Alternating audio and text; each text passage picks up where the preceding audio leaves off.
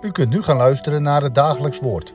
Dit is iedere maandag tot en met vrijdag om 10 uur, 3 uur en s'avonds om 7 uur. Deze meditatie wordt verzorgd door dominee Heikoop.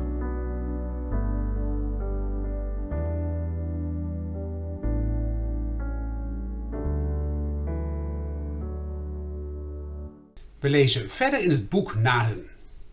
U, jij, weet inmiddels. Nahum profeteerde in de tijd dat Assyrië, met haar hoofdstad Nineveh, op het toppunt van haar macht stond. Met haar sterke en wrede leger had ze een groot deel van het Midden-Oosten veroverd, waaronder ook het Noordelijk Rijk Israël, het Tienstammenrijk. In het Zuidelijke Rijk, Juda, het Tweestammenrijk, zit koning Manasse op de troon. Hij is bang voor Assyrië en stelt ze daarom slaafs en onderdanig aan Assyrië op. In die tijd profeteert Nahum. We lezen nu hoofdstuk 3, vers 1 tot en met 7, waarin Nahum de ondergang van Nineveh aankondigt. Wee, de bloedstad, een en al leugen, vol buit. Het roven houdt niet op.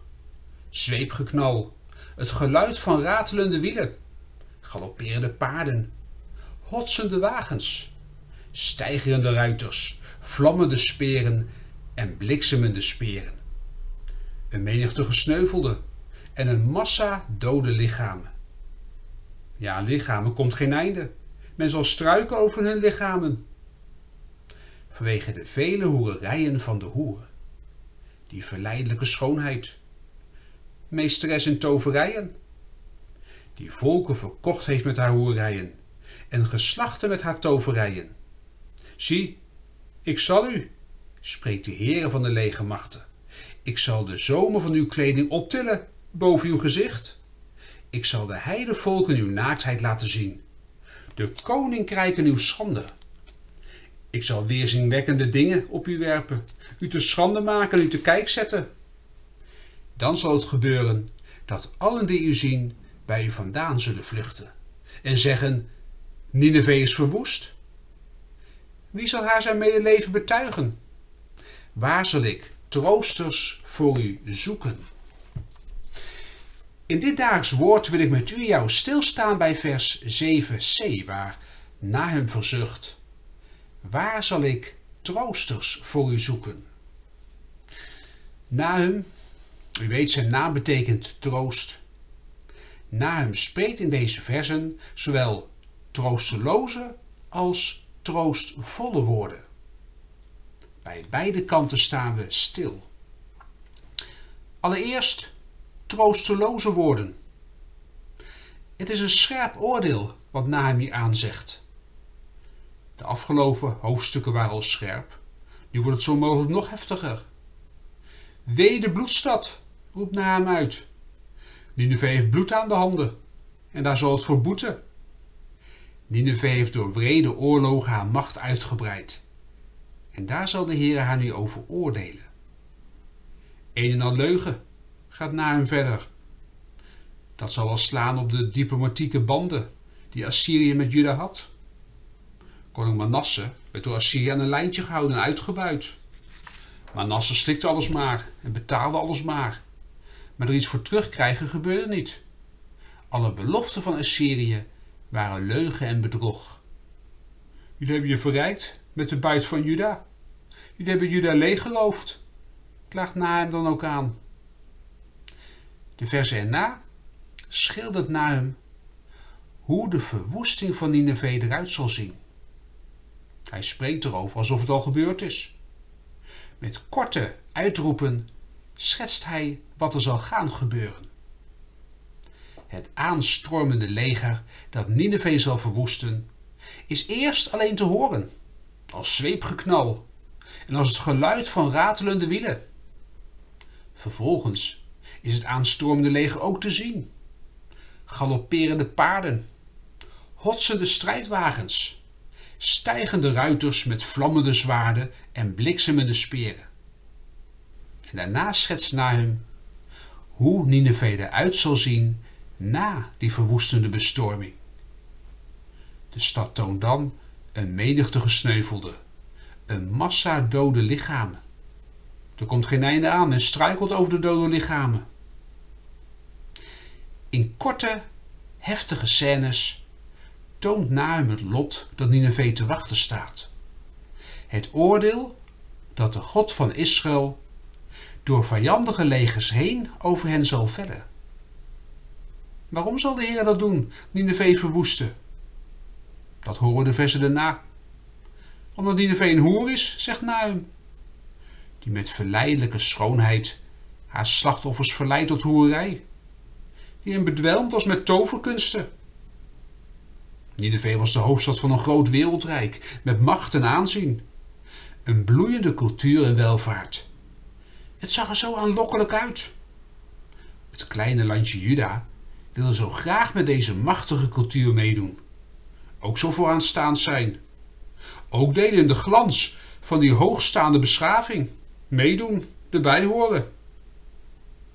Zoals een prostituee iemand tracht te verleiden, te bedwelmen, te betoveren en in haar netten te vangen, zo bedwelmt Nineveh de omliggende landen met haar rijkdommen en status. En de straf op die hoerij zal zijn haar openlijk te schande maken. Dat zal de Heer met Nineveh doen. Hij zal de zomer van haar kleding optillen en de heidevolken haar naaktheid laten zien. Zo zal ze te kijk worden gezet en tot schande worden. Ze zal zo vernederd worden dat de omliggende landen zich voor haar schamen, niets meer met haar te maken willen hebben. Ze zullen wegvluchten en zeggen: Nineveh is verwoest. Wie zal haar zijn medeleven betuigen? Waar zal ik troosters voor u zoeken? Niemand zal Nineveh meer kunnen troosten. Zo grondig zal ze vernietigd worden, zo diep zal ze zinken. Troosteloze woorden. Spreek naam over Nineveh uit. Beelden van gruwelijke verwoesting en schandelijke vernedering.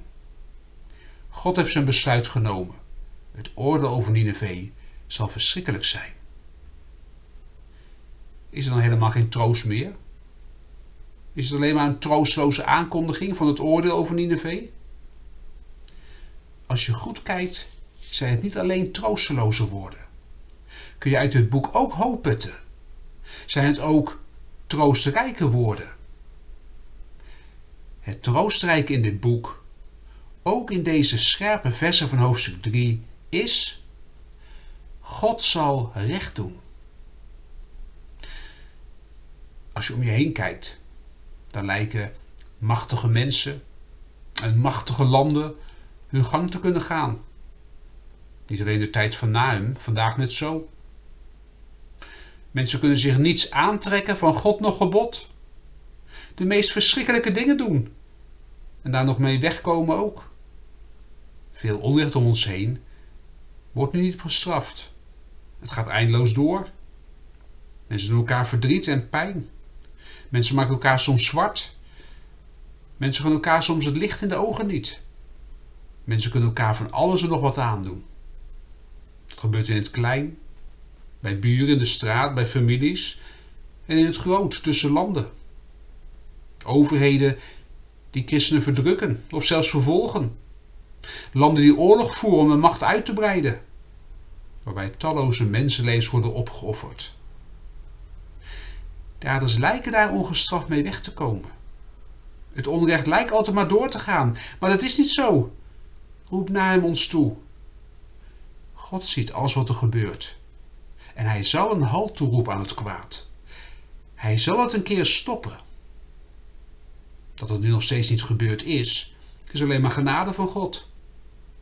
Hij stelt zijn laatste oordeel nog uit, omdat hij zoveel mogelijk mensen de kans wil geven om zich te bekeren om de genade aan te nemen die Hij ons in Christus aanbiedt.